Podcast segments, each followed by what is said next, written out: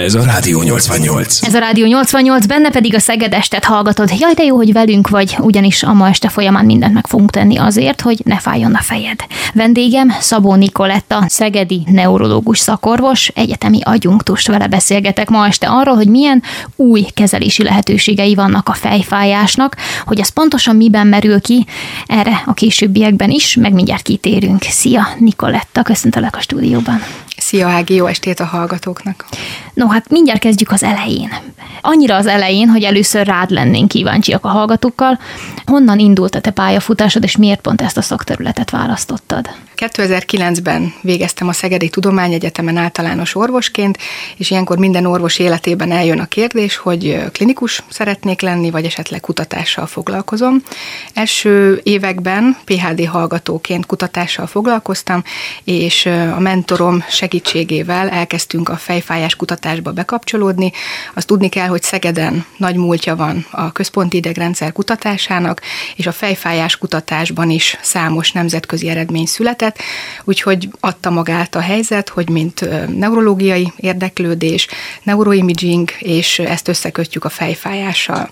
Későbbiekben ezeket a munkákat külföldön is folytattam, majd visszatérve ez is egyértelmű volt, hogy akkor a klinikai munkában is fejfájással fogok foglalkozni. Jelenleg kettő szakterületen van a fejfájás betegségek és a stroke. És mit szeretsz ebben a munkában? Mert azért nem hétköznapi, amit csinálsz. A kutatómunkában vagy a klinikaiban? Kezdjük a kutatómunkával. A kutatómunkában. Az egyik legdinamikusabban fejlődő terület a neurológia, ez minden területet érint. Olyannyira a fejfájás kutatás élen jár, hogy például 2021-ben a legrangosabb nemzetközi díjakat is a Brain Prize-t fejfájás kutatók szerezték, és mivel tudjuk, hogy a fejfájás betegségek a populációnak a jelentős hányadát érintik, nagyon sok életminőségbeli romlást tudnak okozni, a betegek sokszor hiányoznak a munkából, nem tudnak a nők a gyermekek kell lenni, és ezért minél többet szeretnénk megtudni a fejfájásról. És természetesen minél többet tudunk meg a fejfájásról, annál több gyógyszer, illetve kezelési lehetőség áll a rendelkezésünkre, úgyhogy ezért csatlakoztam be a fejfájás kutatásba speciális MRI vizsgálatokkal, neuroimaginggel kezdtem foglalkozni. Neuroimaging, ez mit jelent? Igen, ez a központi idegrendszer képalkotását jelenti, ez lehet elektrofiziológiai módszer, de esetemben ez az MRI-t jelenti. Itt a Szegedi Tudományegyetemen radiológiai klinikával együtt dolgozva rengeteg kutatási eredményünk van, amiből az derült ki, hogy a migrénesek agya máshogy működik, mint a nem migrénesek agya. A klinikai területtel mi a helyzet? Igazából fejfájásra azért adtam a fejem, mert én magam is aurás migrénes vagyok, úgyhogy pontosan át tudom érezni a migrénes betegek fájdalmát, és ezért szerettem volna mindig fejfájással foglalkozni. Említetted azt, hogy a migrénesek agya máshogy működik. Ez mit jelent? Ez azt jelenti, hogy a migrénesek agya szerkezetileg teljesen olyan, mint bárki más egészséges ember agya. Azt viszont tudjuk, hogy sajnos ezek a hálózatok, amik ugye az agy különböző részeit kötik össze, illetve azok a neurokémiai anyagoknak az egyensúlya felbomlik, és ezáltal a migrénesek agya egy kicsit máshogy működik. Például tudjuk azt, hogy a migrén döntő többségében sajnos már gyerekkorban kialakul, és a gyerekeknél a látó látórendszer fejlődése sajnos eltér a nem migrénesekétől, és későbbiekben is egész más eredményeket látunk a migrénesek agyával, például sokkal erősebb kapcsolatrendszer alakul ki az agy olyan területei között, amik a fájdalommal összefüggnek. Úgy gondolod, hogy mivel érintett vagy a felfejes témájában személyesen is, ezért talán máshogy állsz a pályához, mint azok, akik csak tanulnak róla? Úgy gondolom, hogy talán nagyobb empátiával tudok viseltetni. Korábban rengeteg miglénes rohammal éltem én is, kellenek az új gyógyszerek, az új terápiák, illetve kell a kivizsgálás, hogy ne alakuljon ki ennyi fejfájás. Említetted, hogy Szeged élen jár a neurológiai kutatások terén. Milyen más területek vannak még, amik kapcsolódhatnak a fejfájáshoz, amit itt is kutatnak? Szegeden elsősorban a fejfájás alapkutatásában jeleskedik. Ez azt jelenti, hogy kisállat modelleken vizsgálják, hogy milyen neurokémiai anyagok szabadulnak fel. Például Tajti János, Párducárpád, Tuka Bernadett kutatásai nyomán tudjuk azt, hogy ha bizonyos fehérjéket adunk be az állatoknak, akkor azzal fejfájást tudunk nekik okozni, illetve azt is tudjuk, hogy embereknél is, például egy olyan fehérje, amit pakapnak hívunk, fejfájás alatt jelentősen megemelkedik a migrénesekben, amíg egészségesekhez képest nem fejfájós időszakban pedig alacsonyabban működik. És egyébként ezt a pakap fehérjét választották a következő célpontnak, amiből remélhetőleg néhány éven vagy évtizeden belül akár ismét egy új gyógyszer fog készülni.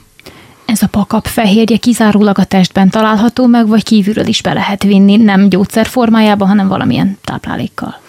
táplálékkal nem tud bekerülni, az a szervezetünkben mindenhol jelenlevő fehérje, de az agyban kiemelt szerepe van, és amikor elindul maga a fejfájás, tehát éppen elkezdődik, akkor például nem csak a pakapnak, mint neurokémiai anyagnak, hanem a CGRP-nek, VIP-nek, substanszpínek az anyag a szintje megemelkedik, és ezek sajnos nem csak magát a fejfájást váltják ki, hanem a fejfájáshoz köthető egyéb kellemetlen tüneteket is okozzák.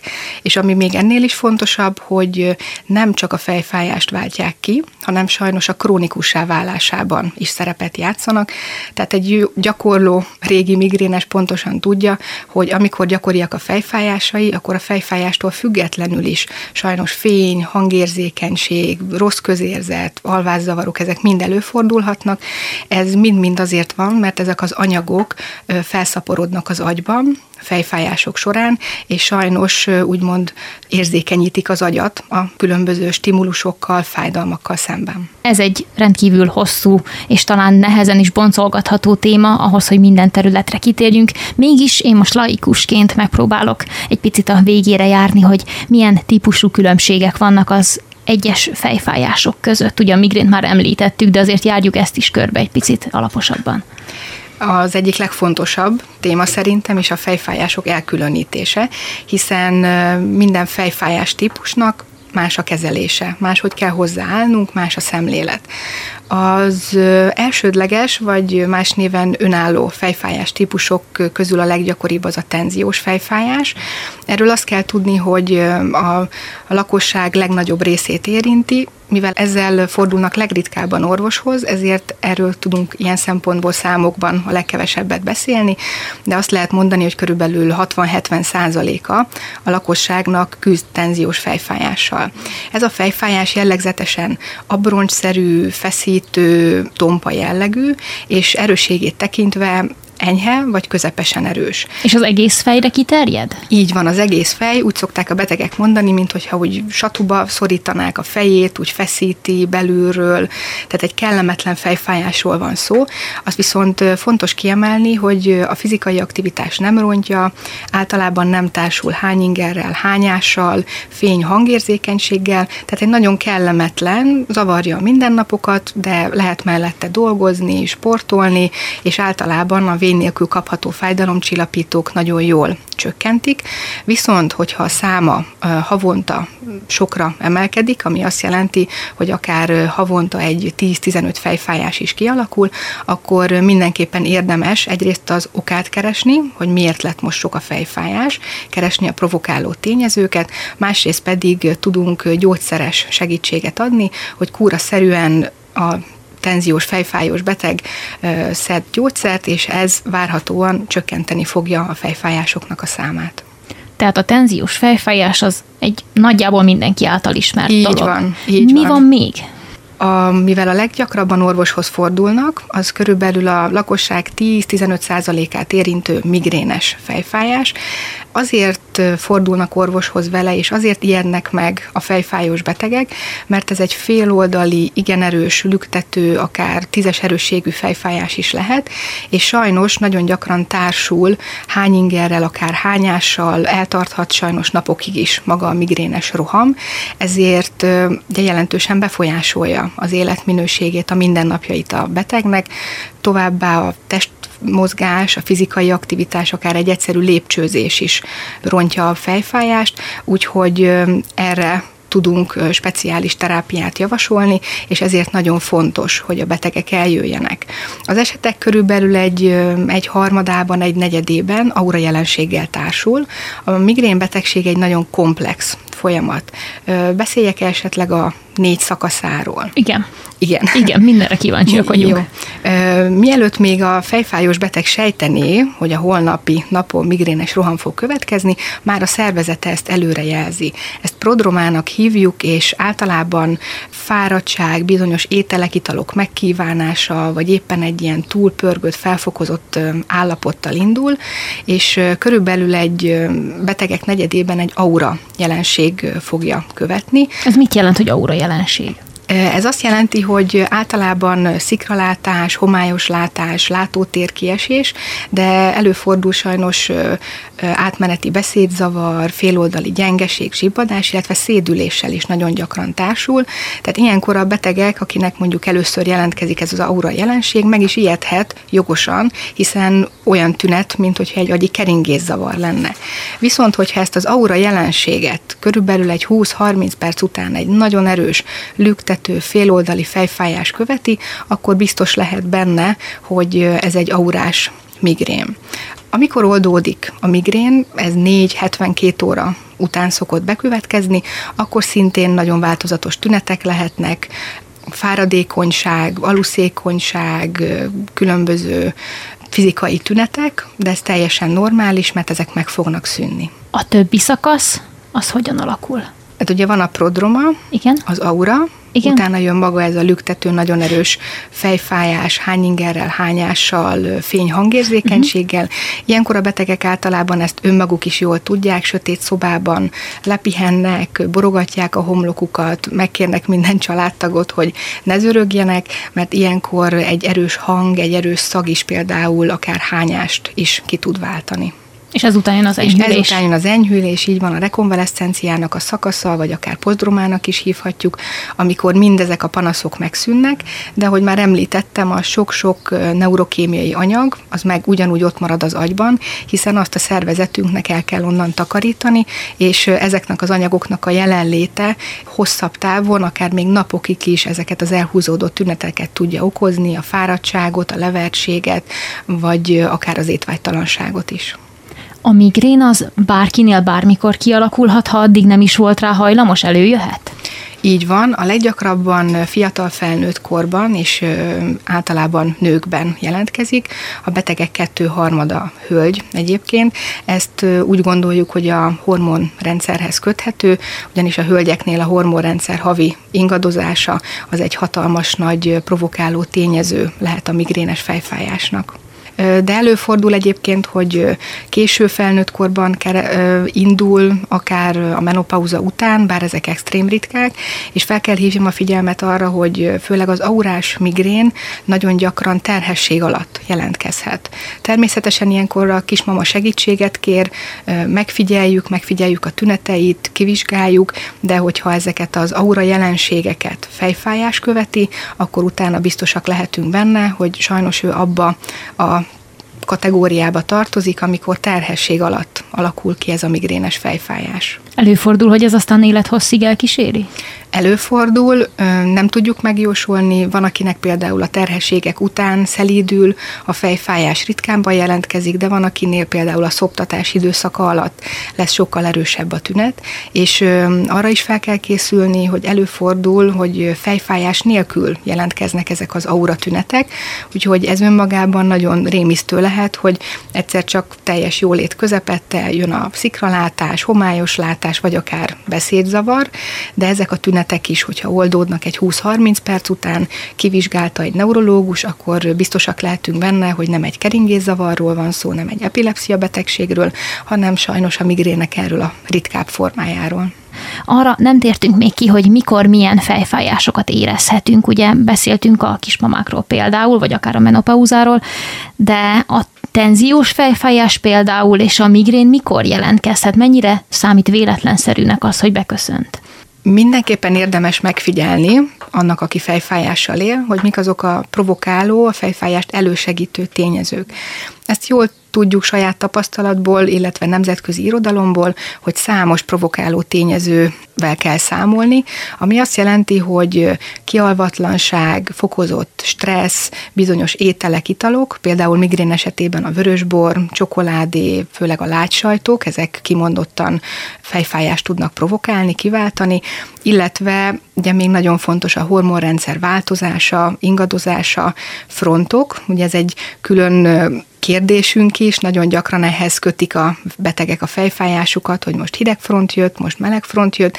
Ilyenkor annyit tudunk, hogy ugye hőmérséklet ingadozás, nyomásviszonyok változása sajnos kiválthat ilyen problémákat, illetve mindig az évszakváltás az, ami egy provokáló tényező lehet, hiszen a sötétből átmegyünk a világosba, aztán a sok napsütésből ismét újra sötét következik, úgyhogy évszakok váltakozása is tudja befolyásolni, hogy mikor milyen gyakori a fejfájásunk. Beszéltünk a fejfájások különböző típusairól. Nem tudom, jól bejártuk a témát, hogy látod? Még egyetlen egy fejfájást szeretnék Igen, említeni. ezt semmiképp sem hagyjuk ki. Igen. A fejfájás. Ez a lakosságnak körülbelül egy százalékát érinti, és ebben a fejfájásban inkább a férfiak jeleskednek, náluk gyakoribb. Azért emelném ki ezt a formát, mert a lehető legkínzóbb fájdalom, amivel ember találkozhat. Ezt olyan betegek is megerősítették, akiknek többféle problémájuk volt, mondjuk vesekövesség, vagy gyermeket szültek, és minden mellett klaszterfejfájással élnek. Ez a lehető legerősebb fejfájás, mindig ugyanazon az oldalon jelentkezik, szemkörnyéki, nagyon éles, hasító jellegű. A betegek úgy szoktak fogalmazni, mint hogyha egy forró kést a szemükön átdöfnének, könnyezik a szemük, vörös lesz, eldugul az orruk, és ezek a tünetek általában mindig ugyanabban a napszakban jelentkeznek, típusosan a hajnali órákban. Szerencsére rövid ideig tartanak, de egy 10-15 perces fejfájás életünk legrosszabb fájdalmából szerintem nem nevezhető kevésnek. Úgyhogy erre a fejfájásra szeretném felhívni szintén a lakosság figyelmét, hogyha ilyen fejfájást tapasztalnak, erre is van terápiás lehetőség, és a megfelelő gyógyszer kiválasztásával csökkenteni tudjuk ezeket a fejfájásoknak a számát, erőségét is, és megelőző terápia is lehetőség. Szokták mondani, hogy hasogat a fejem hogy egy pillanatra bizonyos pontokon igazából így benyilal. Ez mit jelenthet? Ez milyen fajta fejfájás? Hogyha rendszeresen mindig ugyanazon a ponton történik a nyilallás, akkor érdemes kivizsgálni. Például a felszín alatt futó ereknek a gyulladása is tud ilyet okozni. Ez mindig egy ilyen halántéktáji, ugyanazon az oldalon rövid ideig tartó nyilaló fájdalom, és ehhez általában átmeneti homályos látás is társul. Ilyenkor mindenképpen ki kell vizsgálni, hiszen egy érgyulladás is lehet a hátterében. Azok a jellegű nyilalló fájdalmak, amit gyakran érzünk, ha ugyanazon a területen jelentkezik, akkor ki kell zárni mögötte egyéb betegségeket, például aneurizmát, érkiboltosulást, keringészavarokat, de hogyha különböző területén jelentkezik a fejnek, akkor az általában valamiféle egyszerű kiváltó tényező lehet, például kevés folyadékot fogyasztottunk, kialvatlanok vagyunk, kevés a magnézium, amit fogyasztunk, tehát inkább egy másodlagos okot keresünk mögötte. Itt nagyon sok olyan dolgot soroltunk fel, amivel akár magunkon is segíthetünk, hogyha nem súlyos betegség áll a háttérben, ha a fejfájásról beszélünk. Az egészséges életmód gondolok itt például a rendszeres mozgásra, a normális étrendre, ahol azért nem visszük túlzásban a nasizgatást. Mennyire ö, segíthet abban, hogy csökkentsük a kialakuló fejfájásnak az esélyét? Ez az első lépés, hogy csökkenjenek a fejfájásos panaszok. Mindig azt javasoljuk a betegeknek, hogy vezessenek fejfájás naplót. Ez lehet hagyományosan egy papírformátum, egy füzetben. Érdemes mindig leírni, hogy előző nap mennyi folyadékot fogyasztott, milyen volt az alvása, milyen ételeket, italokat fogyasztott, és hogyha másnap jelentkezik a fejfájás, akkor ebből sokszor ki tudjuk szűrni azt, hogy például az illetőnek van egy gluténérzékenysége, vagy kevés Lehet maja. a gluténérzékenységnek tünete a folyamatos Lehet. fejfájás? Lehet, így van, lehet tünete. Több betegem volt már nekem is, és igazándiból a fejfájás naplóból derült ki. Sokszor a gluténérzékeny betegek hozzászoktak ahhoz, hogy puffad a hasuk, kellemetlen érzéseik vannak, ezt nem is szokták gyakran mondani, azonban, hogyha rendszeres fejfájásra kerül sor, akkor mindig érdemes erre gondolni, hogy esetleg egy laktóz vagy egy gluténérzékenység is lehet a hátterében, és ez kiválóan kiderül egyébként egy fejfájás naplóból. De mivel ugye haladunk a modern világ fele, ezek a fejfájás naplók egyébként teljesen ingyenesen letölthető applikációk formájában is jelen vannak. Általában ezt kérjük mostanában a betegeinktől, amit akár e-mail formájában el tudnak nekünk küldeni, és finom hangolni tudjuk a fejfájás terápiát. Olyankor, hogyha a glutén vagy a laktózérzékeny kiiktatja ezeket az ételeket az ő étrendjéből, előfordul, hogy megszűnik vagy mérséklődik a fejfájás? Így van, ez pontosan így van. Ezért kell kiemelt hangsúlyt fektetni arra, hogy életmódi változások. Ugyanis a rendszeres sport, a feldolgozott ételeknek a mellőzése, tartósítószerrel feldolgozott ételeket ne fogyasszunk, de az is gyakori probléma, hogy mondjuk egy nagyon fűszeres ételt fogyasztottunk, vagy zsírosat, vagy füstöltet, és másnap bizony jön a fejfájás. Milyen enyhébb és milyen súlyos betegségeket jelezhet a fejfájás? Kicsit akár próbáljuk meg felsorolni a hallgatóknak, aztán térjünk ki arra, hogy pontosan milyen tüneteket lehet észlelni ilyenkor. Nagyon fontos mind a betegek, mind pedig az orvosok számára, hogy figyeljünk azokra a jelekre, amikor egy másodlagos fejfájást gyanítunk a panaszok hátterében.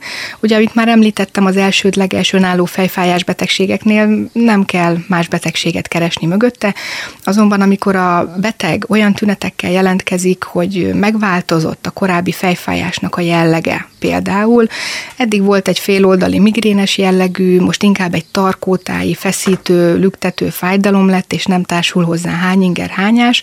Ez nagyon gyakran kezdődő magas vérnyomás betegségnek lehet a jele. Továbbá, hogyha a fejfájásunkhoz láz, rossz közérzet, fény, hangérzékenység társul, akkor mindenképpen érdemes abban gondolkozni, hogy esetleg egy fertőző betegséget kaptunk el, akár egy agyhártya gyulladásunk is lehet, hogyha a fejfájás lázzal társul.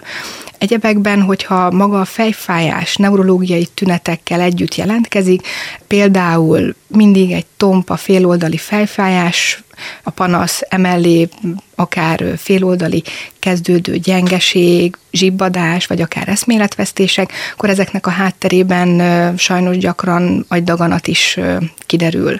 Az agydaganatok elsődlegesen ritkább formának számítanak, amivel neurológusként gyakran találkozunk, azok a más szervekből származó daganatoknak az áttétei, az úgynevezett metasztázisok, amik elsődlegesen kialakulnak általában a gyomor-bélrendszerben, vagy akár a bőrön, és ezek sajnos nagyon nagy számban gyakran adnak agyi áttétet, ami az első tünete ennek az egész daganatos problémának. Mennyire van köze a fejfájásnak az epilepsia kialakulásához?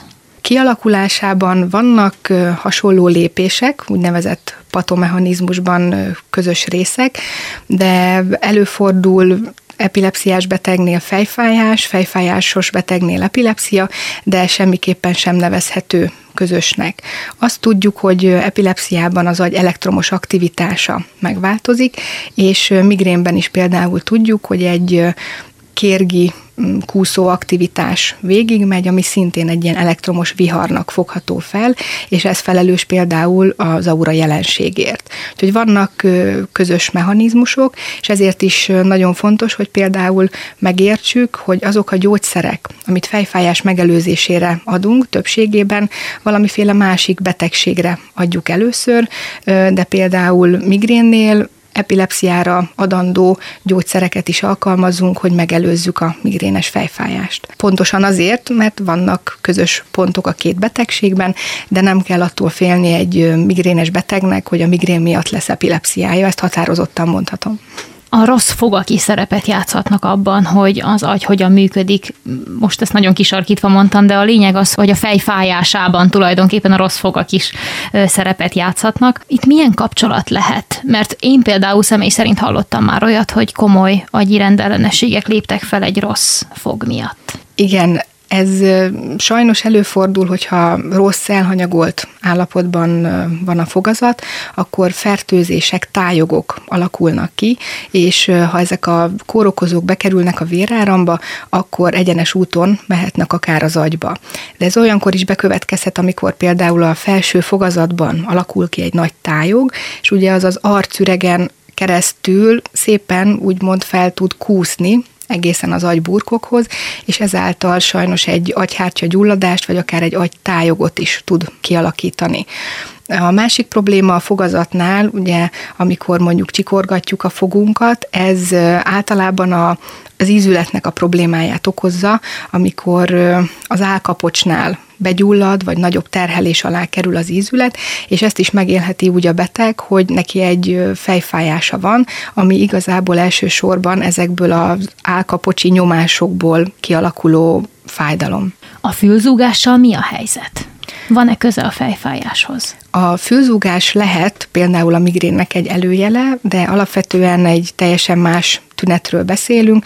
Például, hogyha valakinek kezdődő magas vérnyomása van, kiugrik a vérnyomása, akkor a fülzúgás is lehet tünet. Lehet tünete egyébként különböző fülorgégészeti problémáknak, kezdődő hallásvesztésnek, vagy akár egyszerűen vitaminhiány következtében alakul ki, de mindenképpen oda kell a fülzúgásra figyelnünk, és legalább egyszer életünkben kivizsgáltatni. Nagyon gyakran találkoztunk mostanában fülzúgás problémával, sajnos a COVID fertőzéseknek ez az egyik tünete, a fülzúgás, fülcsengés, ezek jó eséllyel későbbiekben megszűnnek, de sajnos gyakori probléma COVID után. Észrevettetek-e valamit az ambulancián, vagy akár a kutatás tekintetében a COVID és a fejfájások gyakoriságának összefüggésében? Igen, mindenképpen, aki COVID-fertőzésen esett át, nekik egy egészen más jellegű, de sajnos akár elhúzódó fejfájásuk is kialakulhat. Nem beszélve arról, hogy az egyik legkínzóbb post-COVID tünet az a fáradtság, levertség, amit fatignak hívunk, és ez a fatig, ez egy szociális izolációhoz vezethet, akár depressziós tünetek kialakulásához, ami sajnos egyenes út a napi fejfájáshoz. Miért jelenik meg a frontok hatására a fejfájás? Ez nagyon gyakori egyébként, legalábbis én minden második embertől ezt hallom, hogy jaj, kettős front van, fáj a fejem, meleg front, hideg front. Ez hogyan függ össze? Egyrészt úgy gondoljuk, hogy a hirtelen hő ingadozást nem tudja a szervezetünk úgy követni, tehát ugye például migrénben is az egyik fő probléma, ami miatt a lüktető fejfájás kialakul, az, hogy az erek egy picit kitágulnak, és erre hatnak később a gyógyszerek. Másrészt pedig a nyomásviszonyok kialakulása is sajnos vezethet ehhez. Igazából rengeteg kutatás tárgyát képezi, egyértelmű összefüggést tudunk kimutatni, de hogy mi a konkrét oka, ez egy akadémikus kérdés. A stressz hogyan járul hozzá a fejfájás gyakoriságához, de mondjuk úgy, hogy állandóságához, hiszen nagyon sokan szenvednek ebben is. Igen, nagyon gyakori például nem csak a stresszben, szorongásban, de akár depresszióban is a fejfájás, hiszen ilyenkor szintén az agyban a neurokémiai egyensúly az felborul. Egyrészt, másrészt pedig aki tudja, milyen egy szorongás, egy stresszes vizsgaidőszak, az azt is tudja, hogy éjszaka nem jó az alvása, nagyon sok stimuláns szert használunk ilyenkor, koffeint, nagyon sokan nikotinhoz is nyúlnak, és ezek a külsőleg bevitt anyagok sajnos felhalmozódva szintén ki tudják váltani a fejfájást. De leginkább az alvás ébren lét zavara az, ami ennek a hátterében áll. Hogyan kapcsolódik össze a fejfájás és a lelki gondok? Az a beteg, aki sajnos rendszeresen él fejfájással, akár naponta, annak természetesen a lelke is sérül.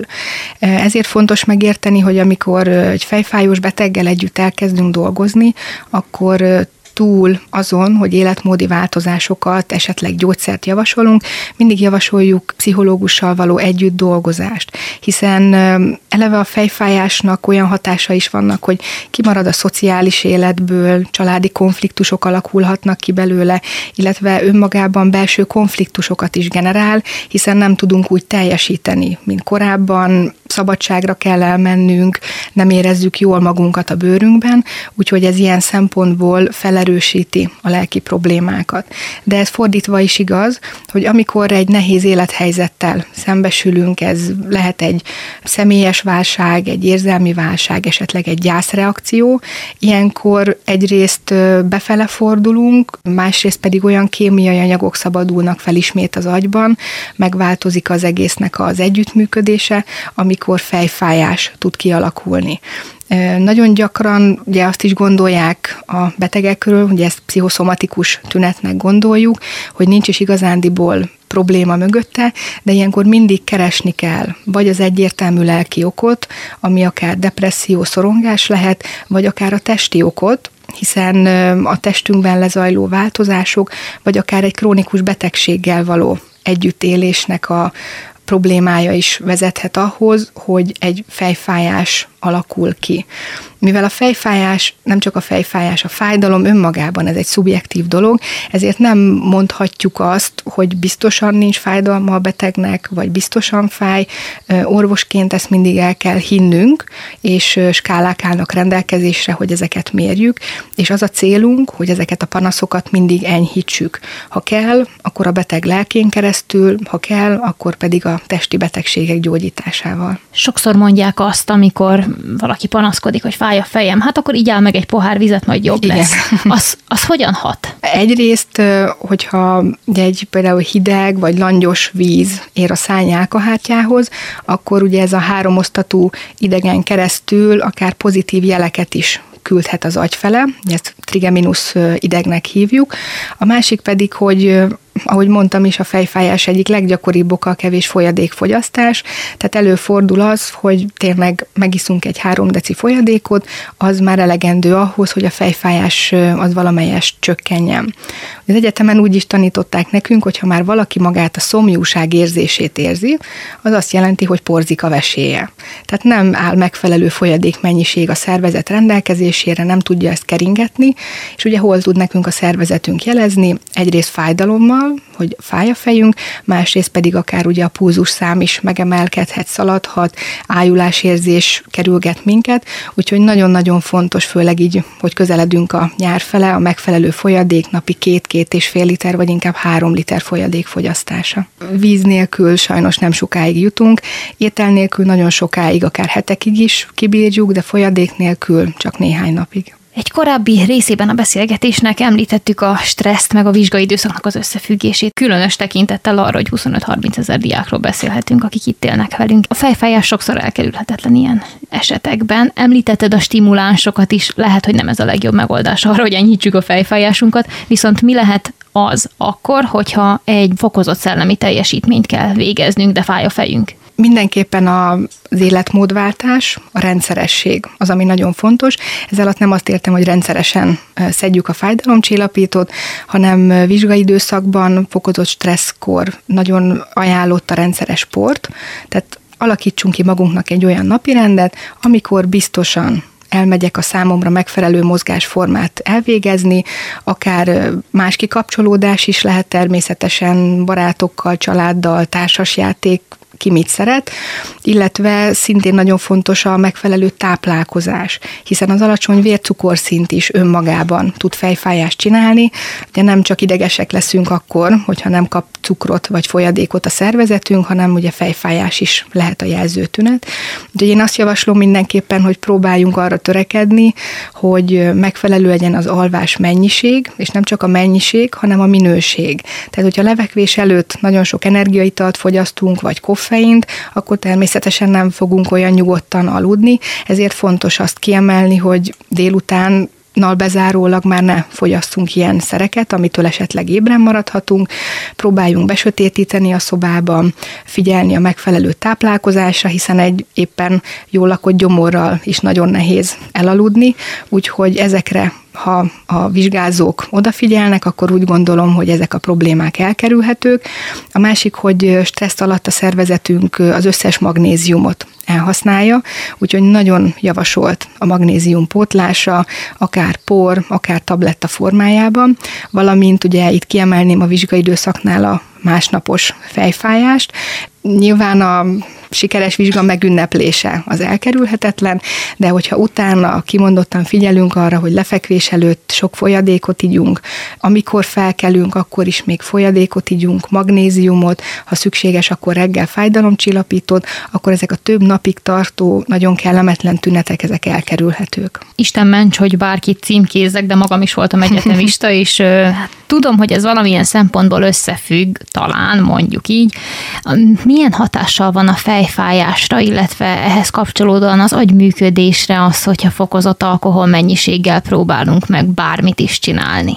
Ugye az alkohol hatása elsősorban ugye, hát vagy éltünk már át alkoholos állapotot, vagy láttunk egy barátunkat alkoholos állapotban. Ugye első körben ugye úgy szoktuk mondani, hogy az agyban a purkinyesejtek fürdőznek az alkoholban, ez ugye a koordinációnkat vesztjük el először, meg a beszédünk lesz galuskás.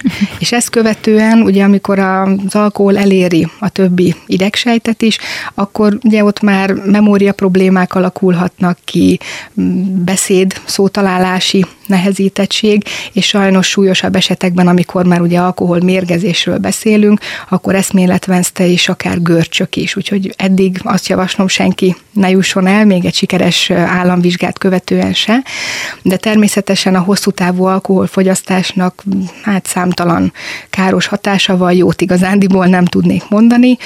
Sajnos hosszú távon az elbutulás, végtagi zsibbadások, izomsorvadás, májelégtelenség, tehát az alkohol az egyik legnagyobb gyilkos. Az alkoholos italok fogyasztása, rendszeres fogyasztása pontosabban hozzájárulhat a fejfájás kialakulásához? Így van, ugyanis ugye a szervezetünknek fel kell dolgozni ezt az alkoholmennyiséget, amit beviszünk, és ugye ez a májban fog csúcsosodni.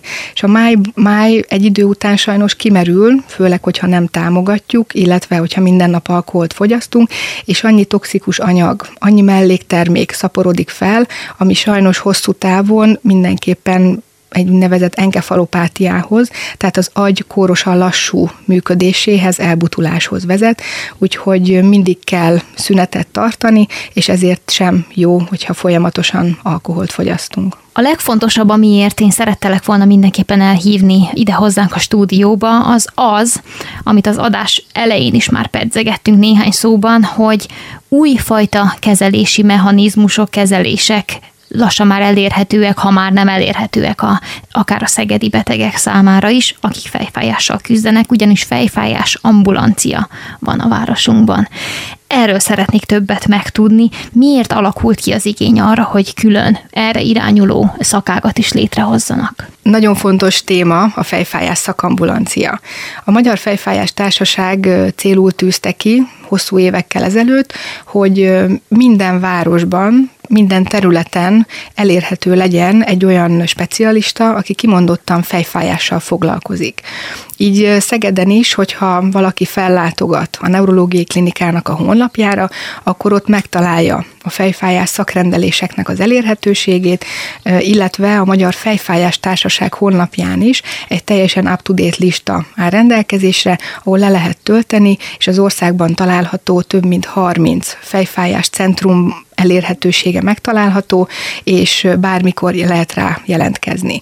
Annyi megkötéssel, hogy ugye házi orvosi beutaló szükséges hozzá, de a házi orvos, hogyha megírja a beutalót, a beteg szabadon jelentkezhet, és az ország különböző pontjaira is akár el lehet menni, de aki itt él Szeged környékén, nekik mindenképpen a szegedi fejfájás szakrendelést tudom jó szívvel ajánlani, hiszen most már olyan rohamterápiák, tehát a fejfájás alatt használható gyógyszerek kerültek a piacra, amik akár elszopogatva egy 10-20 percen belül kifejtik a hatásukat, illetve megelőzésben is megjelentek a biológiai készítmények, a biológiai terápiák, ami azt jelenti, hogy havi egy injekcióval az akár 10-15 fejfájás nullára vagy egy-kettőre csökkenthető.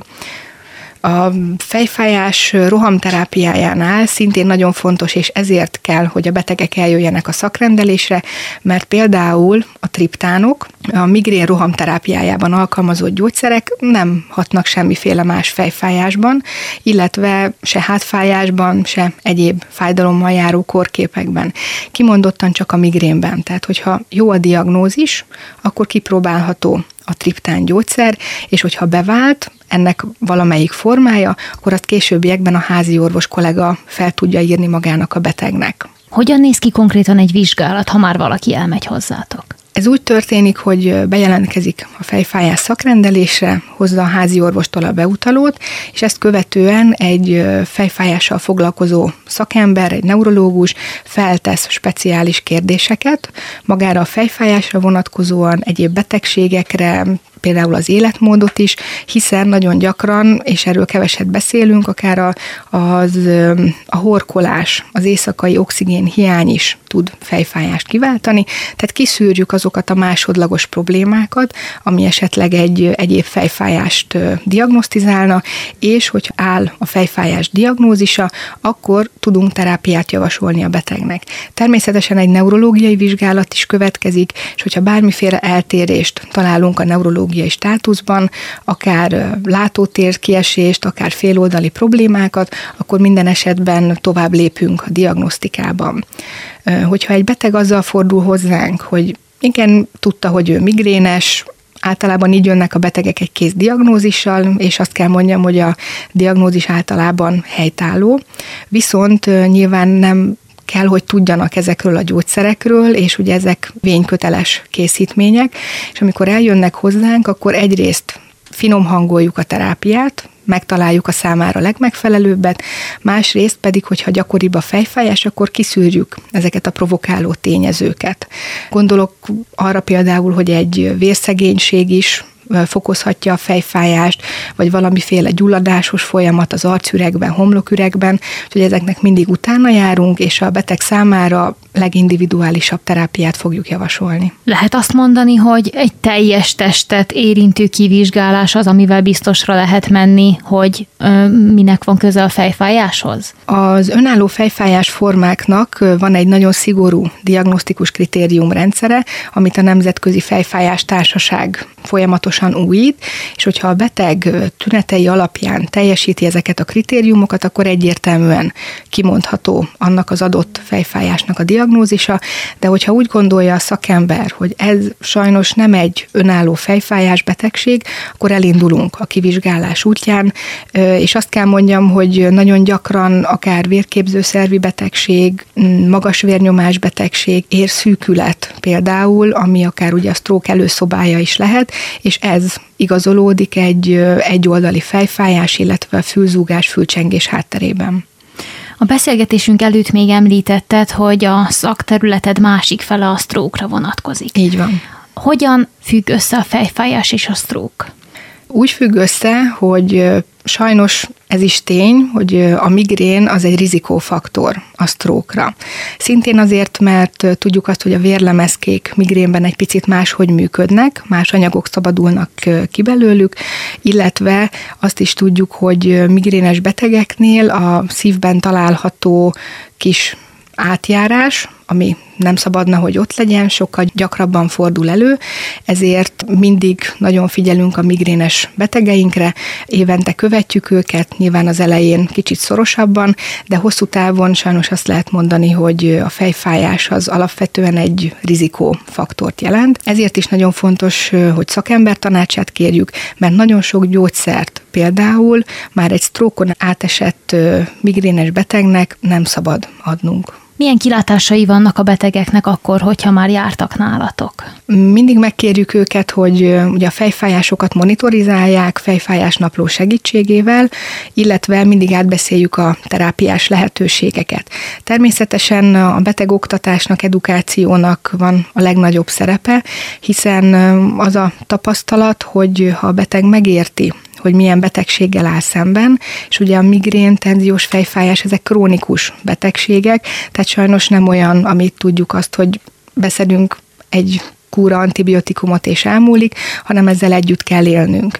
És hogyha elfogadja azt a felajánlott terápiát, és megtaláljuk számára a legjobbat, akkor úgy gondolom, hogy sokkal hosszabb és gyümölcsözőbb lesz az együttműködés, a beteg vissza fog térni, ad a véleményünkre, és adott esetben kipróbálja tényleg a legújabb terápiákat is, amit csak javasolni tudok, hiszen a világban ez most már vezető fejfájás kezelésben, ezek speciálisan a már interjú elejében emlegetett CGRP fehérjére hatnak, és konkrétan le blokkolják ezt a fehérjét, ezáltal maga a fejfájás, a migrén nem tud elindulni. Mennyire új keletű ez a módszer? Körülbelül egy tíz évvel ezelőtt kezdték magát a molekulákat vizsgálni, és az elmúlt néhány évben először külföldön kezdték jó hatékonysággal alkalmazni, majd az elmúlt években szerencsére Magyarországon is megjelentek ezek a készítmények, amiket most már első vonalba emeltek, tehát nem arról van szó, hogy rengeteg gyógyszert kell a betegnek kipróbálni, ami nem működik, hanem egyből javasolható ez az újfajta terápia.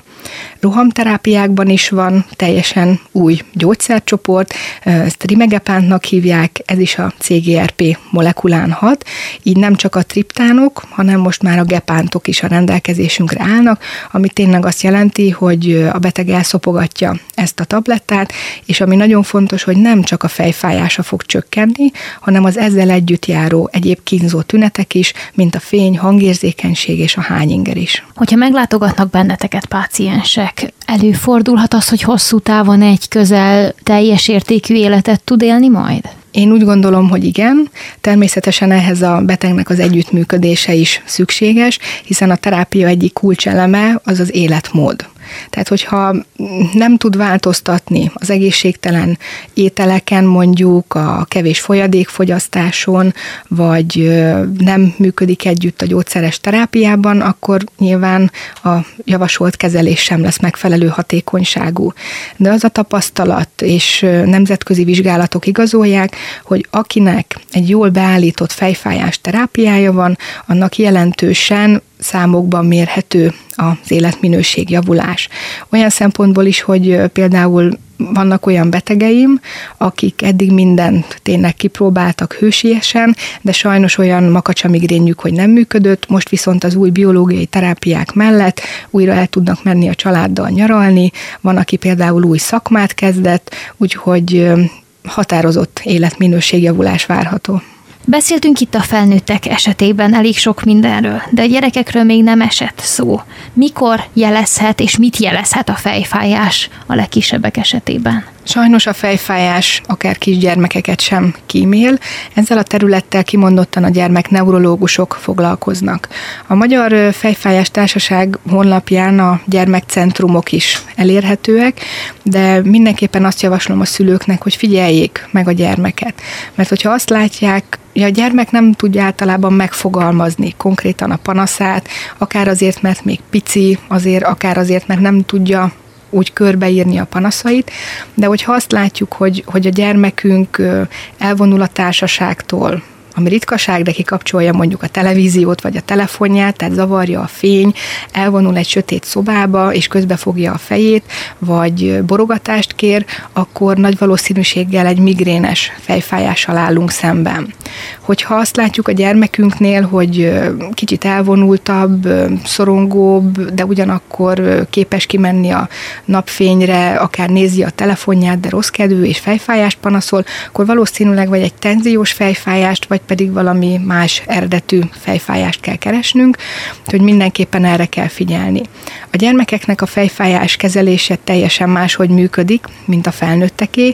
Ugye az ő esetükben nem szeretünk feltétlenül gyógyszeres kezelést választani, így mindig együtt történik a szülő és a gyermeknek a vizsgálata, együttes megbeszélés, és a gyermekeknek általában életmódváltozást, pszichológiai támogatást javasolnak, és csak azokban az esetekben nyúlnak gyógyszerhez, amikor mindenképpen muszáj. Természetesen sajnos előfordul, és pont most a fejfájás konferencián volt erről egy fantasztikus szekció, hogy nagyon gyakran már a gyermek panaszolja a fejfájást, sokszor mind a pedagógus, mind pedig a szülő nem foglalkozik vele, mert úgy gondolja, hogy a gyermek csak ki akarja húzni magát a feladat alól. Tehát érdemes mindig egy szakember tanácsát kikérni, hiszen akár egy fejlődésbeli változás, egy migrén, vagy akár egy krónikus arcüreg, homloküreg gyulladás, ami könnyen kezelhető is állhat a panaszok hátterében, és hogyha egy gyermek fájdalmat panaszol, akkor azt bizony komolyan kell venni. Van különbség a felnőtt és a gyerek fejfájás között egyébként? Olyan szempontból van különbség, hogy például a migrén gyermekeknél inkább a fiúknál gyakoribb, mint a lányoknál, de alapvetően mind előfordulásában, mind gyakoriságában ugyanúgy az aura megjelenésében is sajnos ugyanolyan. Nyilván először mindig megvizsgálják a lelki tényezőket is, de ugyanakkor nagy hangsúlyt fektetnek arra, hogy ha valami másodlagos ok van a fejfájás hátterében, akkor arra is fény derüljön. Okozhat-e hosszú távon problémát, más jellegű problémát, mint a felnőtteknél a gyerekfejfájás? Igen, határozottan olyan szempontból jelenthet problémát, hiszen ugye mi elmegyünk egy munkahelyre. Hogyha nem teljesítünk megfelelőképpen, akkor maximum rosszul érezzük magunkat, vagy kapunk ennyi-ennyit a főnöktől. Azonban a gyermekek, hogyha kiesnek a tanulásból, vagy akár ugye a szociális fejlődésük marad el amiatt, hogy nem tud elmenni biciklizni, zavarja a fény, zavarják a hangok, ezért sajnos mind tanulásbeli, mind pedig akár érzelmi fejlődésbeli problémákat is tud okozni. Talán aktuális lehet felnőtteknél és gyerekeknél is az, hogy ha fáj a fejünk, akkor az is lehet, hogy éppen a szemünk romlik. Én hallottam már ilyet. Van-e létjogosultság ennek a gondolatnak? Így van. Első körben, ugye amikor egy gyermeket vizsgálnak, ugye főleg fejfájás, általában ugye a gyermek orvos kezdi el. És ugye ezek az alapvizsgálatok, hogy nézzük meg a vérnyomását, nézzük meg a vérképét, hogy például egy vérszegénység állhat ennek a hátterében, de ugyanakkor természetesen a látást is megnézik. Azonban, hogyha egy, egy kimondottan féloldali lüktető fájdalomról van szó, és nincs a hátterében mondjuk egy szemnyomás fokozódás, akkor azért elég nagy valószínűséggel sajnos migrénen állunk szemben. Főleg akkor, hogyha az anyuka is, vagy az apuka is migrénes, ugyanis sajnos tudjuk ezt, hogy a fejfájás betegségek azok halmozottan fordulnak elő, tehát hogyha önmagunkról tudjuk, hogy mi migrénesek vagyunk, látjuk a gyermekünkön is ezeket a tüneteket, akkor mindenképpen ki kell vizsgálni, hiszen ugyanúgy a gyermek is lehet migrénes, ahogy a szülő. Néhány szóban említettük az imént a fejfájás kampányjal kapcsolatos információkat. Én erre most mindenképpen szeretnék bővebben kitérni, hiszen a kampányok mindig arról szólnak, hogy a köztudatba helyezzünk valamit, ami annyira lehet, hogy nincs ott. Így van, hiszen azzal szembesülünk a mindennapi orvosi munkánkban, hogy olvasuk a nagy statisztikákat, a nemzetközi cikkeket, és azt látjuk, hogy kellene, hogy egy millió, másfél millió migrénes beteget gondozzunk, de sajnos ennek csak a töredékét látjuk ambulanciákon, úgyhogy felmerült, hogy első körben ugye a betegek nem jutnak el diagnózishoz, és nem kapják meg a megfelelő terápiát. Ezért tűzte ki célul a Magyar Fejfájás Társaság, hogy ezzel javítsunk, és bíztatjuk a fejfájással élő betegeket, hogy eljöjjenek a szakrendelésünkre, és ott együtt dolgozva megfelelő diagnózissal, megfelelő terápiával tudjuk nekik segíteni. Ja, mint már említettem, hamarosan életre kell a fejfájós.hu oldal, ami a Fejfájás Társaságnak lesz a hivatalos információkat tartalmazó weblapja, ahol beszélünk magukról a fejfájásokról, illetve tévhitekről is. Hiszen nagyon gyakran azt tapasztalom személy szerint az ambulancián is, hogy úgy jönnek már el a betegek, hogy mindenféle alternatív gyógymódot kipróbáltak, és sajnos a fejfájás ez alatt krónikussá vált, és egy krónikussá vált fejfájást nagyon-nagyon nehéz gyógyítani, hiszen a túlzott fájdalomcsillapító fogyasztás is tud fejfájáshoz vezetni, tehát ez egy ilyen róka fogta csuka, hogy szedem a sok fájdalomcsillapítót, mégis többet fáj a fejem. És ezekkel a fejfájásokkal hosszú távon sokkal nehezebb dolgozni, és még több figyelmet igényel ezeknek a betegeknek a gondozása. Mi a hatásmechanizmusa a fájdalomcsillapítóknak, és a kérdés bonyolódik, hiszen nem csak egyfajta fájdalomcsillapító van. Így van. A fájdalom csillapítóknak kettő nagy csoportját különíthetjük el alapvetően. Az egyik a kábító fájdalomcsillapítók, a másik pedig, ami nem kábító. Ezeket általában nem szteroid fájdalomcsillapítóknak, gyulladás csökkentőknek hívjuk. Alapvetően, hogyha egy enyhe típusú fejfájással állunk szemben, akkor lehetőség van arra, hogy vén nélküli gyógyszereket próbáljunk ki, például paracetamolt, ibuprofent, metamizolt, naproxent, azonban, hogyha már kimondottan egy migrénes, nagyon erős fejfájásról van szó, hányingerrel, hányással, vegetatív tünetekkel, akkor mindenképpen a triptánok, illetve a gepántok kipróbálását javasoljuk.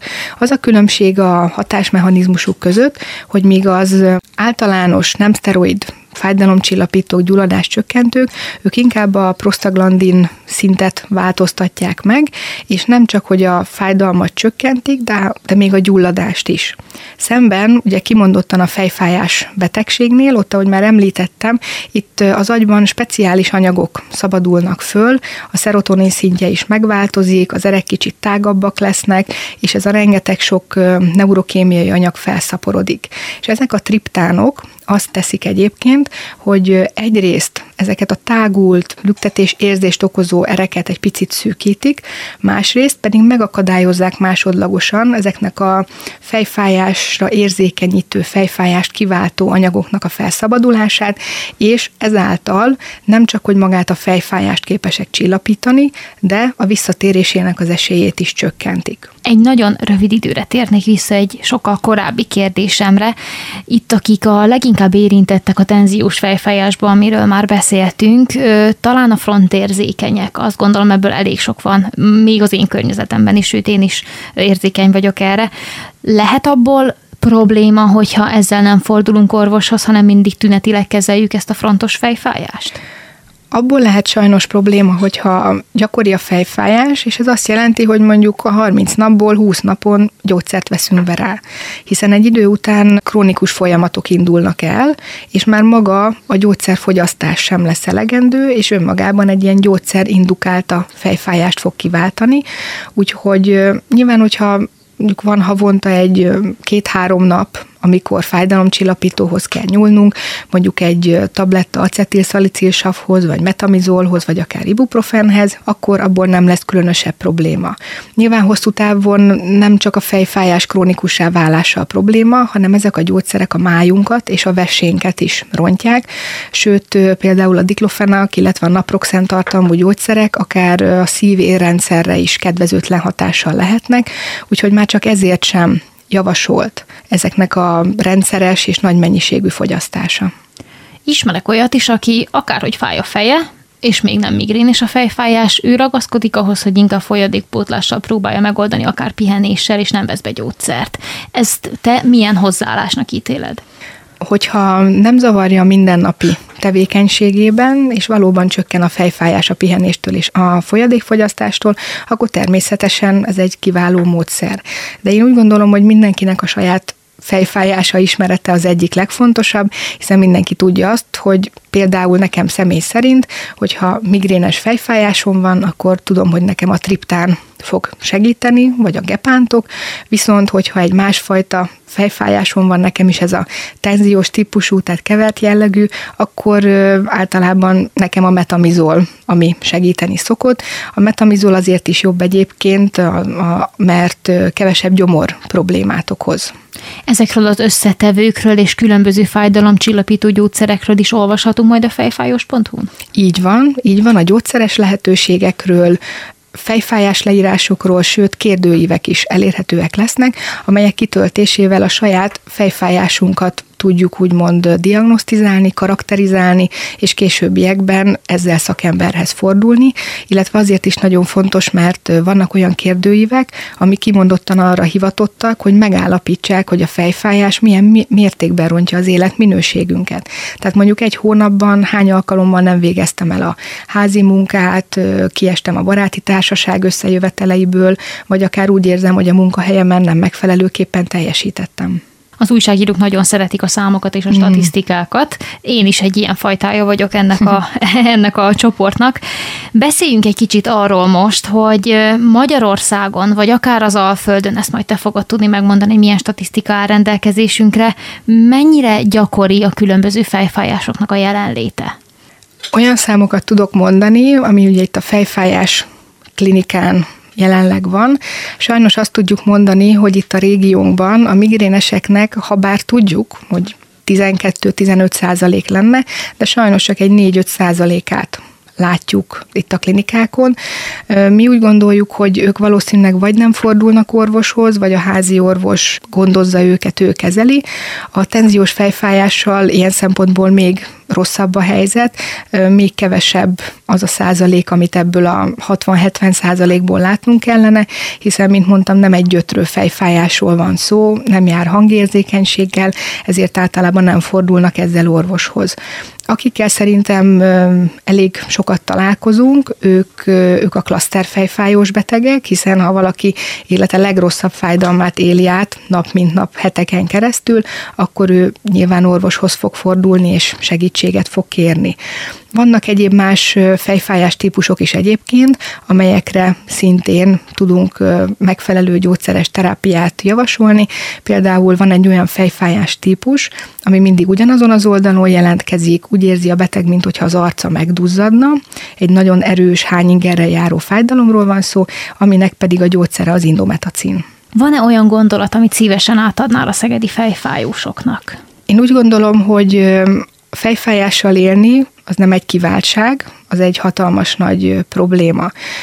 Olyan világban élünk, ahol mind életmódváltással, mind pedig új gyógyszerekkel tudunk a betegeknek segíteni, és én azt javaslom, hogy a betegek használják ki ezeket a lehetőségeket, hiszen már több mint ezer évvel ezelőtt leírták, hogy a migrén létezik, és ugye koponya lyukasztástól kezdve különböző... Ez a lobotómia volt, meg a lobotomobil, ami igen, a, tre, igen, a trepanáció, Jaj. igen, meg különböző hitrendszerekkel éltek, hogy csökkenjen a fejfájás. Szerencsére ma már nem itt járunk, tabletta elszopogatásával vagy lenyelésével már tudunk segíteni, és vissza tudjuk adni a fejfájós beteget a családjának, a munkájának, a hobbiának, úgyhogy én mindenkit arra biztatnék, akármilyen fejfájással is él, hogy egyszer legalább látogasson el fejfájás szakrendelésre, és adjon esélyt az orvosnak és az új gyógyszereknek. És hát inkább a Rádió 88 legyen az életünk része, mint a fejfájás. Vendégem ma este Szabó Nikoletta volt, szegedi neurológus szakorvos, egyetemi agyunktus, fantasztikus tudásanyaggal érkezett hozzánk, egy kicsit ma is tágítottuk segítségével a látókörünket, az érdeklődésünket. Kedves hallgató, köszönöm neked is, hogy mindez idáig velünk tartottál, ez volt a Szegedest, és ahogyan azt már megszokhattad, hétről hétre ismét kinyitjuk, kitárjuk előtted a minden tudás kapuját, jövő héten ugyanitt, ugyanekkor folytatjuk egy hasonlóan érdekes témával. Minden jót, és tudod, mindig elmondom, nagyon vigyázz magadra. Halihó! Rádió 88